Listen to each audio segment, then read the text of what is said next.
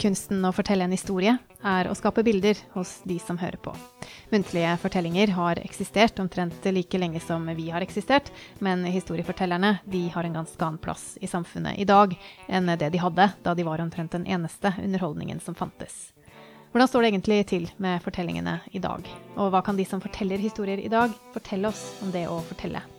Du hører på Plottet, en podkast fra Kulturplott, og jeg heter Lena Gundersby Gravdal. Nå skal du få møte Torgrim Mellum Stene, som også kaller seg Kløverknekten. Vi skal få vite mer om det navnet senere, men Torgrim han er en internasjonal sceneforteller og har bl.a. vært med på spontant Story Jam med impromusikere i Sør-Afrika, og har også stått på scene over hele verden. Han jobber både med mytisk, personlig og historisk materiale, og senere skal han fortelle en historie om hva det kan bety å følge hjertet sitt. Men først skal vi snakke litt sammen, og om hvordan man egentlig finner ut at det er forteller man skal bli.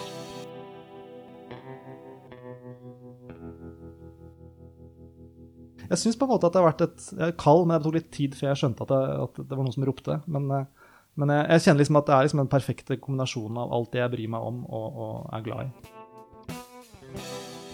Fortellingene de har vært en rød tråd gjennom hele livet til Torgrim, men det tok litt tid før han skjønte at det faktisk gikk an å ha forteller som en fulltidsjobb.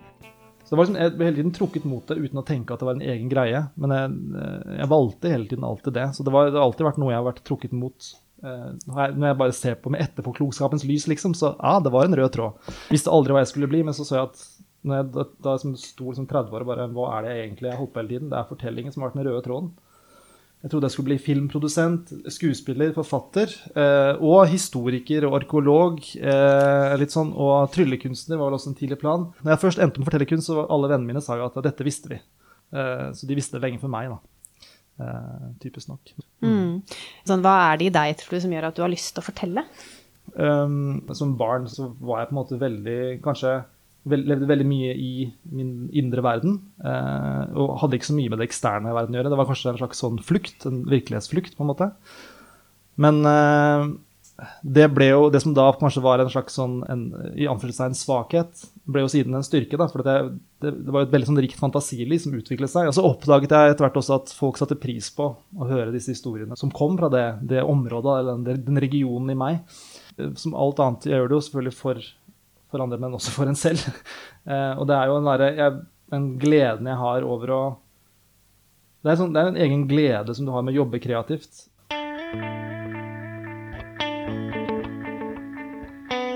I den kreative prosessen til Torgrim er det særlig én ting han ikke kan gjøre, og det er å skrive ned det han skal fortelle. Jeg lagde en versjon av eh, en slags sagafortelling for, en, for Etne kommune som handlet om Erling Skakke. Og da ble jeg bedt om å skrive den ned. Jeg sa at jeg måtte gjøre det etterpå, for jeg ville ikke skrive, jeg kunne, da ville jeg låse den fast. Eh, og så lagde jeg den. Den var, den var ferdig. Jeg fortalte den, etterpå så, så, transkriberte jeg den. da. Men da merket jeg også at den, den fikk aldri tilbake en derre eh, sånn essens, eller den, fikk liksom, den mistet en slags sånn gnist. da. Fordi jeg endte alltid tilbake til manuskriptet etterpå, eh, for å huske, istedenfor å, å gjenoppfinne den. Uh, fordi at jeg kunne jo skjelettet. Så det, var detaljene. Det, ofte er min Hvis jeg ikke husker historien, det, det, jeg ikke klarer å huske fra en historie, det er ikke bra nok. Så det må jeg forandre. Men det jeg husker, det er bra nok. Mm. Hva tenker du om historiefortellingens liksom, plass i dagens samfunn? Jeg tenker at den bare blir mer og mer relevant. Vi lever liksom i en kultur som er veldig sånn Hvis du tenker på det der med, med yin og yang, da. Eh, så, hvor yang er veldig sånn aktivt og uh, effektivitet, og man skal hele tiden prestere. Det, er jo det vi hele tiden blitt. Og så skjedde jo dette her med korona og lockdown. Og, uh, og så var det plutselig sånn Å, det er faktisk rom for refleksjon. da, Litt mer, litt mer yin, kan man si. og jeg tenker at fortellingen har begge deler, men det er også det med å på en måte kunne altså, For vi trenger generelt også å lande litt. Men jeg tenker at det har den type eh, filosofiske rammevirkninger også, hvordan vi ser på ting, og hvordan vi forholder oss til Hvis vi hele tiden tenker at vi skal prestere og hele tiden gå fremover. Men det å stoppe faktisk å ja, ta hensyn til hverandre og faktisk se den andre, det er viktig. Og noen noen intimfortellerkunstsetninger har mulighet til å skape det rommet også. Navnet Kløverknekten det er en hilsen til Torgrim sin morfar, som fortalte mange historier mens han levde. En av de historiene handler om nettopp en kløverknekt. Han var offiser i kaptein i flyvåpenet. Det var en dag han kom inn i offisersmessa, det var ganske kaldt ute. Og så så han en, en korporal legge kabal ved peisen. Og så fikk han en plutselig innskytelse og sa han eh, 'legg fra deg kortleiken'. Eh, og da, han gjorde jo det, han adlød liksom på en måte ordre. Så da tok eh, morfar og stokka kortene sammen, og så sa han 'nå skal jeg trekke fram kløverknekten til deg'. Og så kutta han eh, stokken, og der var den. Det var ren og skjær flaks, det var jo ikke noe triks. Så da spurte Kopranen, 'åssen klarte du det'? Og så tenkte han nå er det dramaturgisk riktig å bare snu på hælen, gå rett ut, slik at folk får noe å snakke om. Og Den historien der fortalte han sånn tre-fire ganger om året. Så det ble en sånn, der, sånn familiesport for oss å trekke kløverknekten. Prøve. Når jeg starta firmaet, så, så, valgte jeg å kalle det Kløverknekten. En av de første fortellingene jeg gjorde, var slags sånn, basert på et dødsønske, for han ville at jeg skulle fullføre historien hans. Egentlig gjennom ting han hadde skrevet. Så tenkte jeg i fem år hvordan i alle dager skal jeg gjøre det? Og så tenkte jeg men jeg skal kanskje fortelle, ikke skrive noe. på en måte. Mm. Og da ble det liksom en Eh, det kalte Kløverknekten et familiemytologisk lyst- og mysteriespill. Det var underteksten. Fordi jeg liker lange undertekster, men Kløverknekten er liksom hovedgreia. Den historien som du skal fortelle her, ja. hva kan du si om den? Eh, den talte veldig til meg. Altså, noen ganger så er det nesten slik at altså, Det er jo forskjellige aspekter. Noen fortellinger lager jeg selv. Noen fortellinger liksom er bestillinger, noen, men noen fortellinger, nesten sånne eventyr eller myter, er nesten som om de oppsøker meg. på en måte Som om de er liksom skikkelser i seg selv. Det, det er fall, men det kan hende at de speiler noe i meg i en periode. Da. Så til å begynne med, så Jeg merker hvordan måten jeg forteller den på, og relasjonen min til den, har endret seg etter hvert som jeg har gått min vei også. Så um, det er vel noe med at jeg kanskje identifiserte meg litt med liksom, karakteren. Det er, jo, en soldat som forlater krigen. En desertør som det er veldig mange av russiske folkeeventyr, antageligvis fordi det var veldig mange soldater rundt omkring i russiske landsbygda som var på vei fra krigen. Men jeg, den har på en måte Jeg, føler, jeg føler liksom at den, den alltid, i ulike setninger, som, så har den på en måte den, den, den, har noe å gi fremdeles, da. Eh, og så snakker den litt om eh, hvilke verdier man har som menneske, altså på et, et, sånn tolkningsplan, liksom, og hva det kan bety å følge hjertet sitt versus å, bli, altså, å gå i krigen, da, egentlig. Mm. Um, som man kan liksom uh, tolke veldig mye av, avhengig av, av, sitt eget liv. Det er jo veldig, det er jo det som, de, er ganske, de er veldig åpne, sånne eventyr og myter. Mm. At man har mulighet til å bare få det til å passe med de knaggene eller hullene man har i sin egen historie. Og her er historien, fortalt av Torgrim Melum Stene, eller Kløverknekten, om du vil.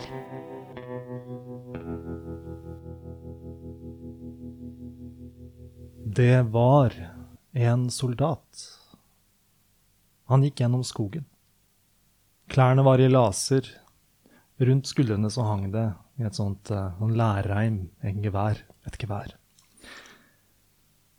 Han visste ikke hvor han var på vei, men han visste bare hva han var på vei fra. Han gikk fra krigen. Han så bare ned på bladene fra forrige høst. Og han var så, så sliten. Stien gjorde en sving, og ved den svingen så var det en uh, gammel trestubbe. På den trestubben så satt det noen, eller egentlig noe. En skikkelse med horn, flaggermusvinger, rød over hele kroppen og med en hale som beveget seg litt som med spastiske uh, bevegelser, som om det var kjærlighetsbarnet til en kobra, en løpsk hageslange. En djevel, så klart. Og djevelen så soldaten tenkte lett bytte og kastet seg ned og begynte å danse i ring rundt soldaten. Og han spurte.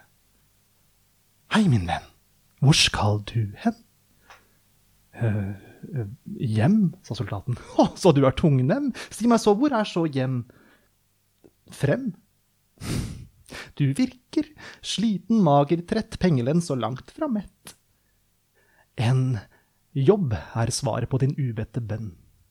Og en sekk med gull kling, skal bli din lønn. Gå opp på den høyden, se hva du ser, vokt det du finner, det er alt, ikke mer. Så er vi enige, evig å tro. Her er kontrakten, signeres i blod. Og ja, djevelen tok fram sin pekefingernegl og stakk den rett inn i soldatens biceps. Drypp, drypp, drypp, rødt blekk. Soldaten signerte sitt navnetrekk, og djevelen fløy av gårde med kontrakt og gull og så sto soldaten igjen. Plutselig hadde han jobb. Gå på den høyden, se hva du ser, vokt det du finner der, alt, ikke mer. Så han gjorde det. Han gikk opp på høyden. Og det første han så, det var et, et bjørketre. Et bjørketre som så ut som bokstaven Y, for stammen var delt på midten og ble til to. Han satte fra seg geværet, Og så så han at det også var tre telt på denne høyden. Et svart, et hvitt, et gult. Så han gikk inn i det første teltet, det svarte, og så. Og Der var det et bord, og på bordet så var det et bur, og i buret var det en gavl. Og på gavlen så satt det en hauk. Vinger, fjær, svarte. Eller ikke svarte, men de var farget som kopper. Og hauken så på soldaten med et blikk fylt av rent og skjært hat. Ja, ah, unnskyld, jeg gjør bare jobben min, sa soldaten og rykket fort ut av det teltet. Han gikk til det andre teltet, det, det hvite. Og der inne igjen, bord, bur, gavl, hauk med fjær av sølv. Den så på ham med et blikk som var helt tomt, apatisk. Jeg gjør bare jobben min, sa soldaten. Tredje teltet, det av gull, eller det gule teltet, der var det et eh, bord, bur, gavl, hauk med fjær av gull, og den var, snudd, den snudd, var liksom vendt med ryggen til og var huket sammen, fylt av sorg. Unnskyld, jeg gjør bare jobben min. Soldaten han gikk tilbake, det var ikke noe mer å se, han satte seg ned med ryggen til bjørka og så på de tre teltene. Men det var ikke noe særlig spennende som hendte, og han hadde gått ganske langt. Og han kjente at han var veldig trøtt, og før han visste ordet av det, så duppet han med hodet og sovnet. Hallo, Hva var det for noe? Han våknet brått. Hallo, hallo, hallo Hvor kom stemmen fra? Bak deg, bak deg Han snudde seg, og det eneste han så, var bjørka. Nettopp, nettopp. Snakker jeg med et bjørketre, sa soldaten. Ja, ja, ja. For litt siden så fikk du en jobb av en djevel til å vokte tre hauker i tre telt på toppen av en høyde, og nå snakker du med et bjørketre, slik kan dagen gå. Hva, hva vil du meg? sa soldaten. Jeg lurte bare på om du kun jobber for penger, penger, penger. Hva annet kan man jobbe for? For gledens skyld, vel, sa Bjørka. Og jeg har en jobb jeg vil at du skal gjøre for meg, for gledens skyld, for jeg har ikke så mye kontanter å betale deg med. Hva for en jobb var det? spurte soldaten. Jeg vil at du skal lytte til hjertet ditt og gjøre som det sier, for gledens skyld. Soldaten så på de tre teltene. Ja, de eh, dro jo ikke noe sted. Kanskje han hadde tid til en sånn biarbeidsgiver, bijobb, biinntekt. Så han sa ja, OK, jeg, jeg tar jobben. Fint, du begynner med det samme soldaten ja, han visste jo hvor hjertet var, liksom. Han hadde stukket noen bajonetter, men det var ikke det som var poenget nå. Det var heller ikke det konkrete hjertet, tenkte han. Lytte til hjertet og gjøre som det sier. Han prøvde virkelig å kjenne hva var det hjertet ville si ham. Og han kjente at det var en sånn gnist der inne som han ikke hadde kjent på veldig veldig lenge. lytte til. Han kjente at det var noe han ønsket seg. Og det hjertet sa til ham, det var at han kunne godt tenke seg å ta en røyk! Ja, det var det! Han fant fram eh, en halv krittpipe i taska og noe tobakk, tente på med fyrtøyet sitt, og så puffet han av gårde på den. Ja, det var ikke så verst. Fint hjerte. Hva er det neste du vil si? Og hjertet det sa til ham at han egentlig hadde lyst til å strekke på seg, og det føltes veldig bra i den trøtte kroppen. Og så sa hjertet til ham at han egentlig var litt sulten, og da så han blåbærbusken, og han stappet uh, trynet fullt av blåbær og fikk sånne blå tenner som han ikke hadde siden han var barn. Og så kom han på enda mer som da han var barn. Ja, hjertet sa til ham at han egentlig hadde lyst til å rulle rundt i gresset og danse rundt treet og synge av høy, av, av, av, av høy hals, eller ja, vilden sky. Og Hjertet bare fortsatte å snakke, og han fulgte, fulgte liksom dens beskjeder mer og mer og mer, inntil hjertet fikk han til å se mot de tre teltene. Nei, det kan jeg ikke gjøre. Jeg bryter jo kontrakten, men hjertet, det ville ikke tie nå.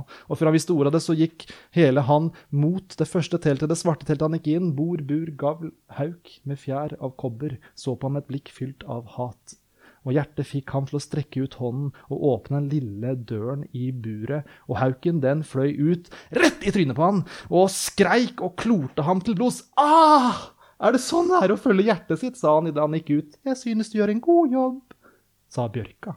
Og han så at eh, på den y-en, på det ene, ene stammen som gikk opp til venstre, der satt hauken og så på ham litt sånn misbilligende. Men i midten i kløfta, der hadde det vokst opp et kvinnehode med langt, svart hår. Fortsett, sa hun. Soldaten gikk til det andre teltet, det hvite. Hauken med fjær av sølv. Blikk helt apatisk. Soldaten han var klok av skade, så han tok nå ut forsiktig vokt. Han passet på å skjule ansiktet sitt idet han åpnet den døren. Men ingenting hendte. For denne her hauken var jo totalt likegyldig. Jeg prøver å følge hjertet mitt, sa han. Hauken brydde seg ikke. Jeg vil gi deg friheten. Hauken var ikke imponert. Til slutt tok soldaten hauken ut buret og viste den alt det den gikk glipp av, den frie naturen, alt det vakre. Og til slutt så var det som om nesten om hauken trakk på skuldrene, om en fugl kunne gjort det, og fløy sakte, liksom lakonisk ut og satte seg på den andre liksom, stammen, delen av y-en, siden av den, den kobberhauken. Og i midten hadde kvinnen nå vokst opp til livet, og den kjole som var svart og hvit, fortsett. Han gikk til det tredje teltet, teltet som var gult, og der inne gullhauken med, eh, vendt, eh, vendt med ryggen til, fylt av sorg. Soldaten strakk nå ut hånda, men ah, det var altfor varmt. Ja, hele, hele buret var glohett.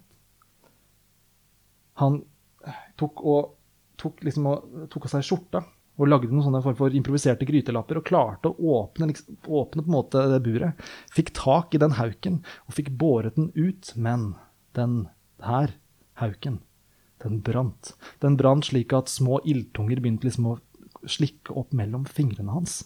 Så han klarte ikke, han måtte slippe taket. Og idet han gjorde det, så vendte hauken seg, snudde seg rundt i lufta og så på ham med to øyne som var som glødende soler. Og vi vet hva som skjer når man ser på sola. Ja, han ble blind. Ikke bare det, de solene brant vekk alt.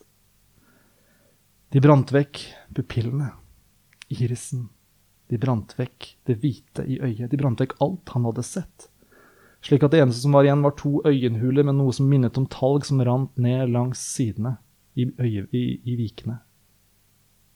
Det var så vondt at han kunne ikke kjenne det engang, og han bare falt tilbake ned på ryggen.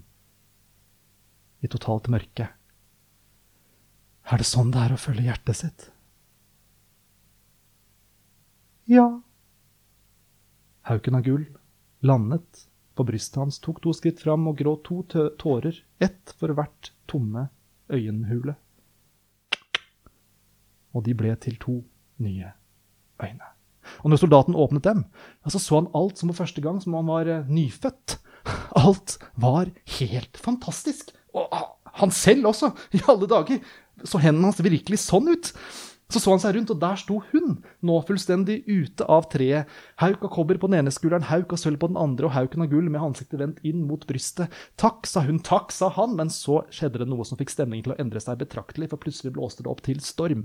Ja, det begynte virkelig å lyne og tordne, og vinden tok, og tok de tre teltene, og de føk av gårde som kjempefugler. Djevelen var på vei, kontrakten var brudd, brutt, en kakling i lufta. Løp! ropte soldaten. Jeg blir her og, og, og gjør noe. Han sto der igjen i stormens øye. Alt var rundt ham, han kunne ikke se djevelen noe sted. Men han tenkte, lytt til hjertet ditt, lytt til hjertet ditt, gjør som det sier. Han gikk tilbake til da han var barn og løp rundt huset hjemme med en, en rognekvist og lekte at han var soldatgeværet. Han løp bort til geværet der hvor det sto ved bjørketreet. Han gikk inn i midten av høyden. Han tok geværet og pekte oppover, oppover og lukket øynene uten å sikte. Så pustet han og ventet han og lyttet han og skjøt. Og i det øyeblikket han skjøt, stanset stormen. Han så opp. En sekk av gull landet i hånda hans. Han så videre at der kom det kontrakten også, svevende nedover. De siste regndråpene traff det røde navnetrekket. Den, alt ble rødt, og den løste seg opp og ble til tre røde fjær. Og de tre fjærene de landet på ham. Den første fjæren landet i det som var igjen av hatten hans, den andre i det som var igjen av skjorta, den tredje i det som var igjen av buksa i beltespennen. Og så, med gevær, gull og fjær, så gikk soldaten ned fra høyden. Og det er en soldat som går langs stien. Han ser ikke ned, han ser opp. Og som han går, så kommer han til en sving. Ved svingen er det en stubbe. På den stubben så sitter det ikke noe, men noen. En kvinne med svart og hvit kjole og mørkt hår. Og hun sier, 'Hei, min venn. Hvor skal du hen?' 'Jeg skal hjem.' 'Å, så du er tungnem? Si meg så, hvor er så hjem?' 'Frem. Jeg skal samme vei. Tilfeldigvis. Kan vi slå følge?' Det sa soldaten ja til. Og idet han sier det, så hopper det opp tre brødre av denne kvinnen. Som har gjemt seg bak et buskas som liksom menn som venter med en vakker kvinne foran på, på, på å få lov til å haike. Og de tre mennene, den ene hadde hår som var mørkt, sort, den andre grått hår, og den tredje lyst hår. Og så dro de videre, alle fem, på veien hjem.